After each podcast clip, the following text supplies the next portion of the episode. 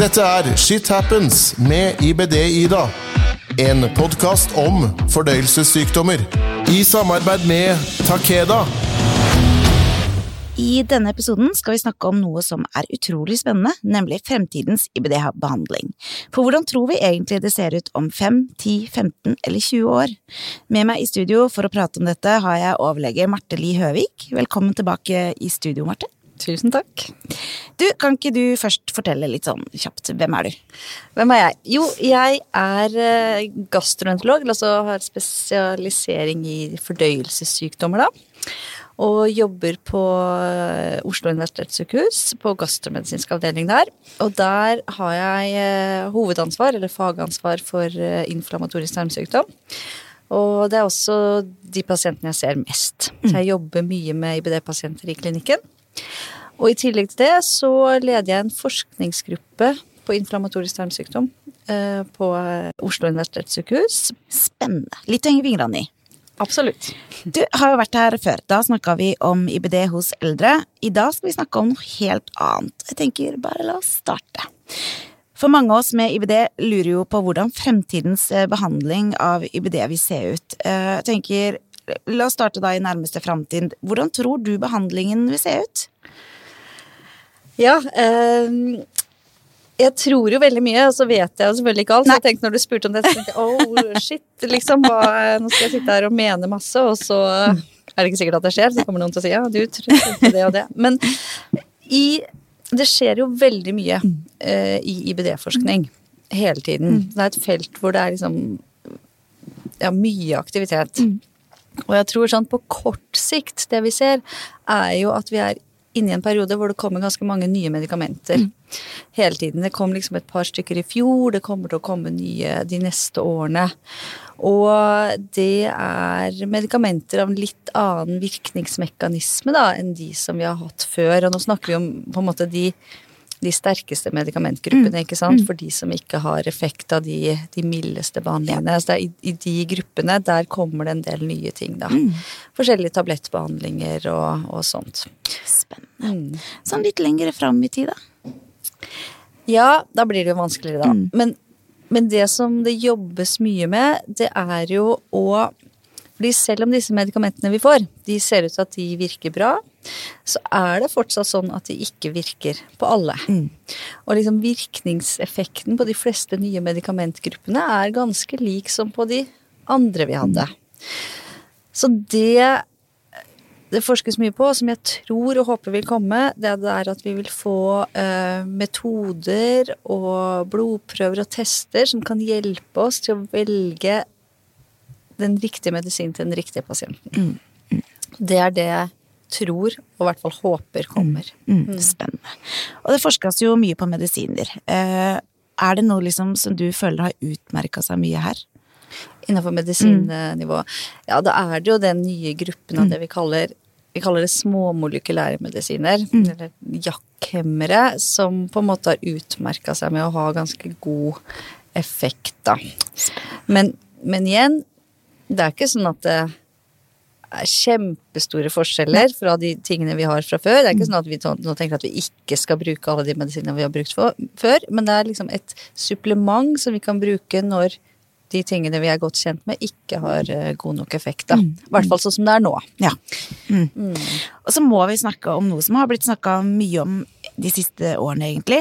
Nemlig det med å altså spesialtilpasse behandlingen eh, til pasientene ut ifra pasientens eget gen. Eh, jeg kan ingenting om det, eh, bare hørt liksom litt snakk om det. Eh, hva er dette her for noe, egentlig? Ja, dette er nettopp det feltet jeg har snakket om, som, mm. som, på en måte er under om ikke rivende utvikling, da, hvor det skjer veldig mye. Mm. Og eh, det feltet vi snakker om, er jo det vi kaller presisjonsmedisin. Det vil si at man leter etter eh, markører i genene eller eh, proteinene eller fettstoffene i kroppen eller avføringen mm. som kan hjelpe oss til å si noe om den enkelte personens risiko for å få en spesiell type IBD. Ja. Enten en IBD som eh, på en måte ser ut til å ha et mildt forløp, eller en IBD som har et mer alvorlig forløp. Og så, Sånn at man kan bruke den informasjonen til å velge behandlingsstrategi for den enkelte pasient. Så det er én måte man ser på det på. Og det andre er at man gjerne vil prøve å finne tilsvarende med, markører i, i blod, da, eller andre biologiske prøver, som kan si noe om om den enkelte pasienten ville ha effekt av den ene medisinen eller den andre medisinen. Ja. Så, så det er på en måte det man leter etter. Og da leter man på liksom forskjellige nivåer eh, i kroppen, da. For genene, de har vi jo når vi blir født, ikke sant? Og de sier noe om man har en viss risiko for å få IBD eller ikke. Men det å ha gener som gir den risikoen, det gjør ikke at du helt sikkert får IBD. For du trenger å være eh, mange andre miljøfaktorer, andre ting i tillegg, som gjør at du på en måte utløser sykdommen. Så det, det ser ut som det har vært veldig sånn stor tro på det at å bare finne en, en gentest eller et eller annet sånt skal kunne hjelpe oss i de tingene jeg snakket om, med å velge ut de riktige pasientene eller, eller si noe om risiko. Men det har ikke egentlig lykkes så veldig godt innafor det med gener. Og hvorfor er det sånn? Jo, det tror vi er fordi at en ting er de genene du er født med, men så er det det at det er alle de andre påvirkningene i tillegg hen av veien i livet, liksom. Så genene sier oss nok ikke nok. Så derfor så har man begynt å se videre. Ok, er det de produktene som genene lager i kroppen, da, proteinene for eksempel, kan vi se på proteinsammensetningen i en person? Og der begynner man å få noen, noen svar, hvor man kan si at ok, har du den type proteinsammensetning, så har du kanskje en høyere risiko eller en lavere risiko. Og så går man videre sånn og ser etter i forskjellige nivåer av detaljer i, i blodet og i kroppen. vår. Så det er, det er veldig kom, komplisert, da. Men, eh, men det vi i hvert fall ser, at, at det med bare å se på genene er åpenbart ikke nok. Men fy søren, så spennende. Jeg tenker, Tenk da, man kan i hvert fall komme dit hen at man vet hvilken gruppe medisin man kan ha best sjanse for å lykkes med. For det er jo ikke noe tvil om at eh, for pasientene så er kanskje den prøv og feil-perioden det som er mest slitsomt. For man har så innmari håp Ja. om at en medisin skal virke, og så er det så nederlag når det ikke gjør det. Ja. Så jeg bare man kan komme dit, så er det i hvert fall litt lettere. Ja, eh, og vi er jo helt enige, for det er også vår største frustrasjon. ikke sant? At vi sitter der med en pasient, vi vet at nå trenger vi å komme i gang med god behandling, og så vet vi ikke helt sikkert hva som er den beste for deg. Det er klart vi har en del erfaring, så på gruppenivå så kan vi jo si at vi tror at vi velger den og sånn, men, men det å kunne, kunne liksom, ja, persontilpasse det, det ønsker vi oss eh, veldig, altså. Og det tror vi jo vil ha veldig god effekt, fordi vi vi vet jo, spesielt for kron, men nok også for ulcerøs kolitt, at det der å komme i gang med riktig og god medisin, så du får slått ned på en måte sykdommen tidlig og får det vi kaller eh, slimhinnetilheling, eller normalisering av slimhinnen. Hvis du får det så fort som mulig, så greier vi sannsynligvis å hindre komplikasjoner på sikt, da. Så, så ja, det er, det er absolutt dette vi også vil. Mm. Hvor sannsynlig tror du at det blir realisert da? Jeg tror at det kommer i hvert fall på visse nivåer. Vi har allerede en studie pågående i, i Norge, eller Ja, Norden, som heter Nordtrit. Og der har noen eh, forskningskolleger av oss i Sverige blant annet, og med samarbeid i Norge også, funnet en sånn proteinprofil i en blodprøve Ja. som ser ut som den kan skille mellom pasienter som får en høy risiko for et litt komplisert sykdomsforløp, og de som har helt mild sykdomsforløp. Spennende. Og så tar vi den blodprøven, og så de som har den høye risikoen ifølge den blodprøven, de får det vi kaller top down-behandling. Ja. Altså da begynner vi på en måte med de sterkeste biologiske medisinene fra dag én. Ja. Litt uavhengig av sykdomsaktiviteten. Så denne type studier, det er i ferd med å komme, da. Men så tar det jo lang tid, ikke sant, med sånn forskning. Sånn at uh, vi snakker jo om eh, ikke ett eller to eller tre år, men lenger enn det, da. Perspektivet før sånne ting kan komme i klinisk bruk. Men forskningen foregår, absolutt. Jeg tenker, det er jo nok til å gi håp, ikke sant? å vite at dette er og, og jeg tenker jo også at for pasienter og pårørende så er det veldig eh, godt å vite hva som foregår eh, bakom dere som leger. Og bak, altså, Det å vite hva som forskes på, hva som jobbes med, er jo også godt for en egen del. For det er jo noe med at eh, det kan gi håp da, om at om ti år kanskje, så er situasjonen min helt annerledes. Ikke sant? Og så tenker jeg at eh, selv om vi ikke syns det går fort nok kanskje innafor IBD, da, så kan vi jo se til f.eks. kreftfeltet, hvor det har vært en helt fantastisk utvikling på dette feltet i løpet av veldig kort tid. Hvor man nå liksom skriner, som vi sier, eh, pasienter som får en krefttype. Der kan man ta liksom kreftsulten, og så kan man sjekke den liksom på veldig mange nivåer, da. Og så kan man finne ut at ok, denne krefttypen her, på bakgrunn av all kunnskap vi har, hvis vi setter alt sammen, så tror vi at det er denne cellegiften som passer best, for Ja. eksempel. Fantastisk. Ja, sånn at uh, det er veldig inspirerende å se at, uh, at uh, det går så fort i det feltet, da. Og så får vi bare bruke liksom all erfaring og det de har lært, forhåpentligvis inn mot vårt eget Ja, ja, selvfølgelig. selvfølgelig. Og så må vi innom dette med undersøkelser. Eh, For det er jo ikke å lyve eh, når vi sier at eh, mange av disse undersøkelsene som brukes i dag, kan være ubehagelige, eh, tidskrevende og ganske tøffe både for pasienten, pårørende og kanskje også for dere som, som leger. Gastroskopi og koloskopi, for eksempel. Vil disse undersøkelsene erstattes av noe annet, eller gjøres på en mer skånsom måned i fremtiden, tenker du? Ja, øhm, sånn både og. Per dag så tror jeg ikke vi kommer utenom koloskopier eh, og gastroskopier og MR-undersøkelser per dag. Der hvor vi, hvor vi kommer litt videre, er igjen det der med det å sette diagnosen. Det er jo mange som kommer med eh, mage- og tarmplager som ligner IBD, men som ikke har det. Og da igjen så eh, forskes det på blodprøver og avføringsprøver som man kan ta på den gruppen da, før man vet at man har diagnosen, som forhåpentligvis kan utelukke IBD, sånn at det er færre pasienter som må henvises og gjøre en på en måte unødvendig koloskopi, Ja. for eksempel. Så det, det forskes det på, og det tror jeg kommer. Og så forskes det også på bedre markører på sykdomsaktivitet. Fordi det grunnen til at vi gjør en koloskopi, er jo fordi at jeg, som behandler, og pasienten selvfølgelig, vil vite hvor mye betennelse har man i tarmen akkurat nå.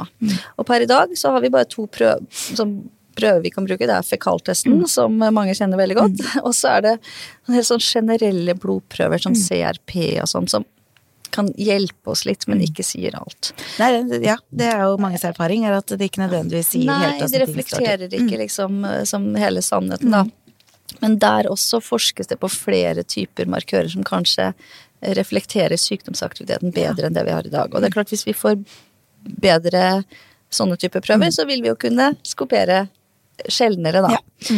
Men andre undersøkelser som ikke er koloskopi, som sier oss Det ser jeg ikke helt per i dag, da. Søren, Da må altså. det mer være at vi blir forhåpentligvis Får vi jo bedre og bedre utstyr, blir forhåpentligvis bedre til å skopere. Ja, Ja. Men det er kanskje en fattig trøst. Ja, ikke sant. Ja. ja. Så med andre ord så kommer vi ikke unna disse undersøkelsene her med det første. Nei, det ser jeg ikke. Men kanskje færre av de. Ja, ja, ja. Vi får ta det vi får. Mm, ja.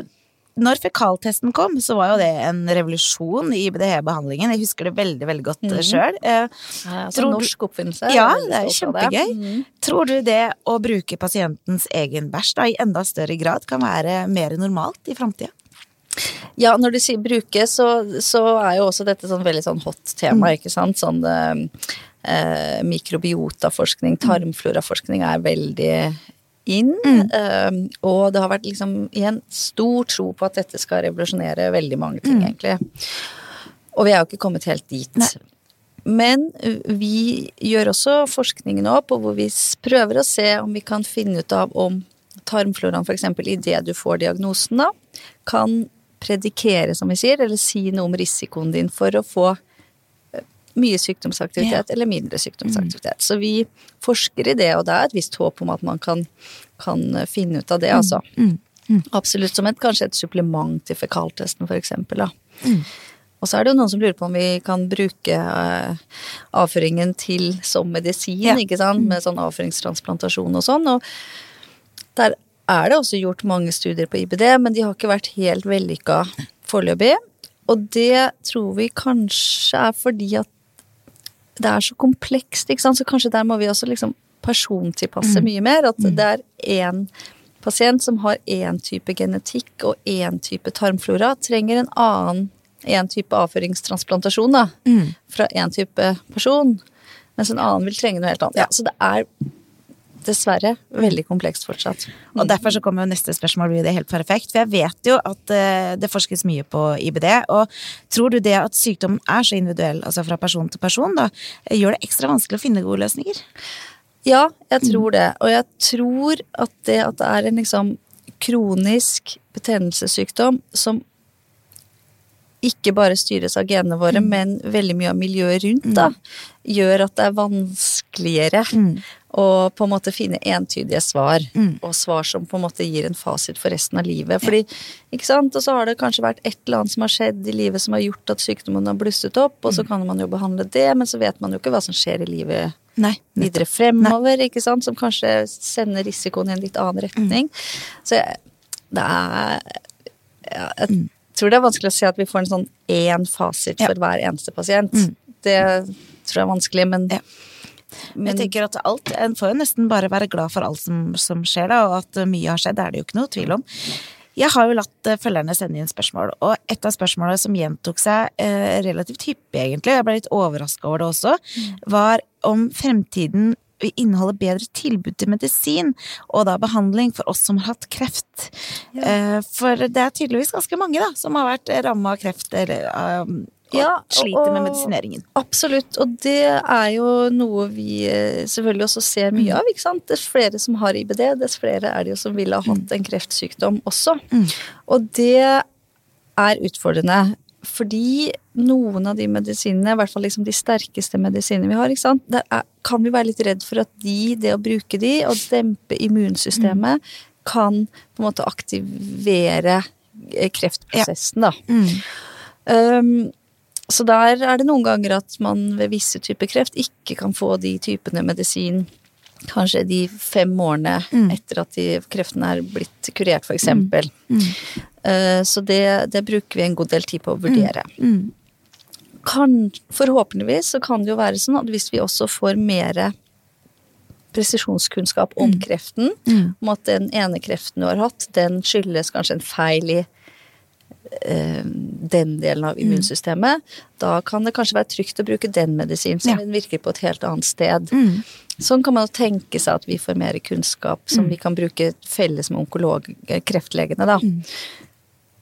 Men, men, det er absolutt et, et, utfordrende punkt. Ja, jeg, forstår, jeg har forstått at det er uh, vanskelig. Det var ei som skrev det at um, hun, hun, følte det var um, hun hadde slitt med kreft i så mange år, så får hun EBD etterpå. Mm. Eh, og er egentlig kjempedårlig av den. Mm. Og så blir hun liksom aldri egentlig hun føler, liksom ikke, hun føler ikke hun får den hjelpa hun egentlig hadde fortjent. da. Nei. Fordi hun får ikke tilgang til de medisinene som Fordi vi tør ikke, sannsynligvis kanskje at man ikke tør å gi dem, fordi mm. man er redd for at det skal, skal få kreften til å blusse opp, da.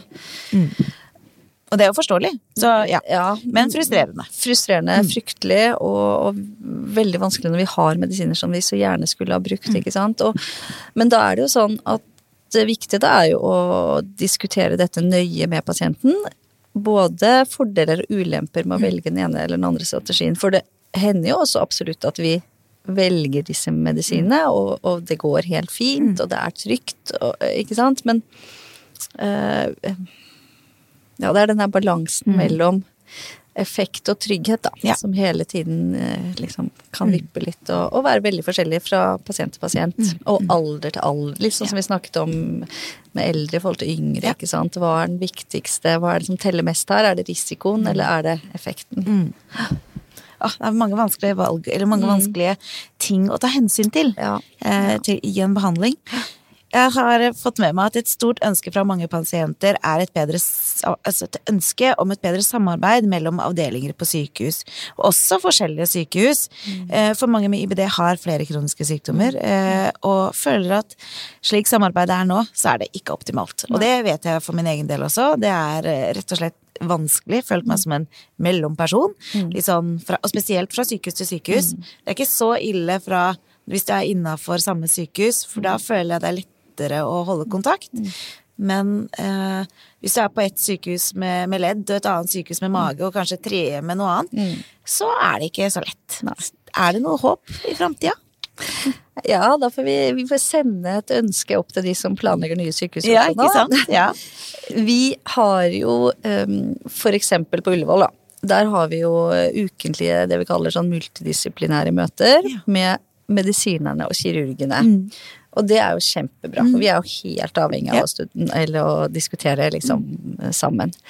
Og det vi noen ganger tenker på, at det hadde vært utrolig fint å ha sånne multidisiplinære møter jevnlig med spesielt disse reumatologene, altså de som har med ledd å gjøre, og også hudleger, for eksempel. Hvor, hvor, som det er de som vi kanskje trenger mest å samarbeide med. Kanskje også med kreftlegene.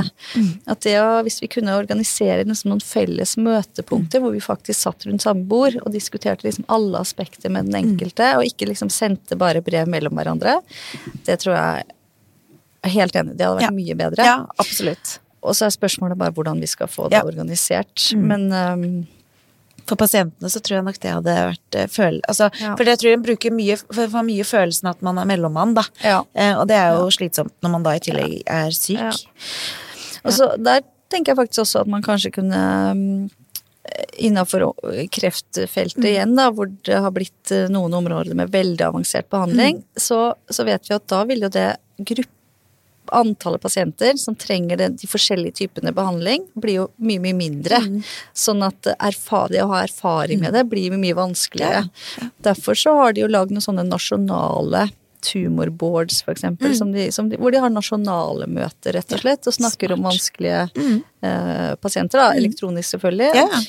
Det har vi også diskutert så vidt innenfor IBD. Skulle vi prøve å lage noe sånt i Norge? Eh, sånn at vi hjelper hverandre da, med å bygge kompetansen også innenfor IBD-miljøet i Norge, og kanskje også da med de andre fagfeltene. Men vi er ikke der ennå, men det er litt sånn interesse for det. Man gjør det i Det noen andre land. Jeg håper at Nederland, kommer for dit. Jeg tror pasientene og dere som leger da, hadde hatt god nytte av å jobbe mer sammen.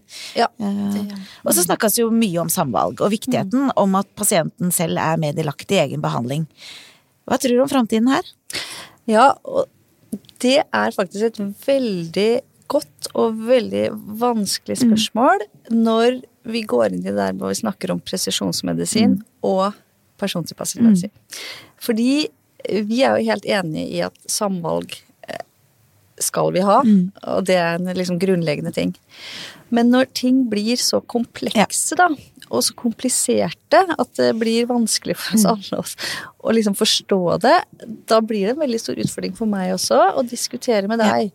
Nå har vi tatt denne blodprøven som viser veldig detaljert sånn og sånn, at du, vi syns at du skal ha sånn og sånn. Hva skal du velge i det, da? Hvordan skal du liksom greie å og liksom eh, bidra inn på med alt det du har, hvis jeg sier at ja, men alle prøvene sier at vi skal gjøre det. Samvalgsdelen blir veldig vanskelig, og den krever veldig mye kompetanse av eh, helsevesenet og av pasientene. Jeg ser den. Det tror jeg blir en utfordring. Ja.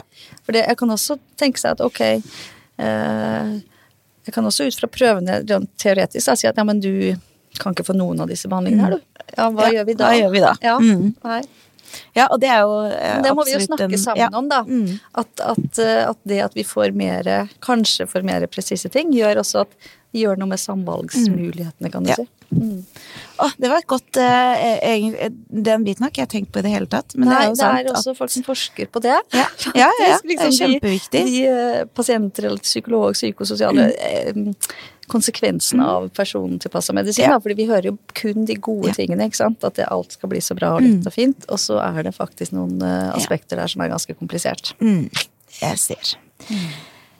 Og så foregår det, jo gradvis oppgradering av måten sykehuset og pasientene kan kommunisere, og det er jo eh, vel og bra. Eh, likevel jo, eh, har vi jo en lang vei å gå. Eh, hvordan tror du framtida blir her? Og da tenker jeg litt sånn på, hvis du tenker Helse Norge, da, som har en enkel app. Sånne enkle ting som at jeg skulle bestille ny medisin nå for en stund tilbake, og har slitt faktisk med å komme i kontakt med min behandlende lege for å fornye resepten. En ting som i mitt øye burde vært et tastetrykk. Ja.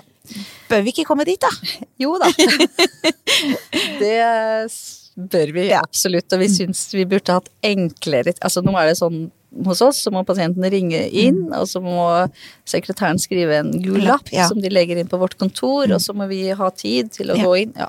Så det er jo ekstremt gammelt. Ja, altså, tungvint. eh, Men der tør jeg nesten Altså på IT-fronten så tør jeg ikke mene noen Nei. ting.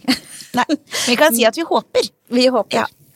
Der det skjer litt, eh, i andre land i hvert fall, er jo at uh, det er noen som liksom prøver å innføre forskjellige webløsninger for oppfølging, da. Ja. Hvor, uh, eller app-løsninger og sånn, hvor pasienten kan fylle inn symptomer, eventuelt ha hjemmetester for fekaltest, sende inn, og så har man sånn webvisitt, som det kalles. Det er noen som liksom følger med, og så kontakter de pasienten hvis det er et eller annet med målingene som sier at eh, kanskje ting er på vei til å bli verre. Det er det noen som prøver ut å gjøre, da. Og det kan sikkert være vel og bra. Der er jeg kanskje litt sånn gammeldags at Ja, jeg ja. syns at møtet med pasienten er så viktig. Ja. Men, eh, ja. Men, men kanskje vi kan bruke det mer, da, i hvert fall som et supplement. Mm. Og, og særlig for pasienter som eh, er i remisjon Mm. på en måte, og har det bra over tid. Tror du at apper, da, sånn som for eksempel IBD Info-appen, vil være en del av fremtiden? Eh, Jeg tenker sånn, eh, Det er jo veldig kjekt for meg som pasient å kunne følge bedre med på mine egne data. dataer, da. Eh, Fint for dere òg? Ja, jeg tror absolutt det. Hvis vi finner ut at vi kan bruke det på riktig måte. Eh, og litt på samme måte som jeg snakker om at disse blodprøvene, at vi ønsker å skille de som har alvorlig sykdom og mindre sykdom, så kan jo dette være hjelpemidler som kan skille de som trenger å komme til sykehus og snakke med oss, og de som ikke trenger det. Så det vi lurer på er jo hvor godt de skiller skiller det, da. Og at vi risikerer kanskje at noen som kanskje burde ha kommet fast til oss, går litt under radaren. Litt sånne ting. Ja. Men sånn er det jo i klinikken i dag også. Men um, Ja, det er spennende i hvert fall. Jeg tenker at all, eh, teknologien er med på å gjøre mye gøye ting. ja.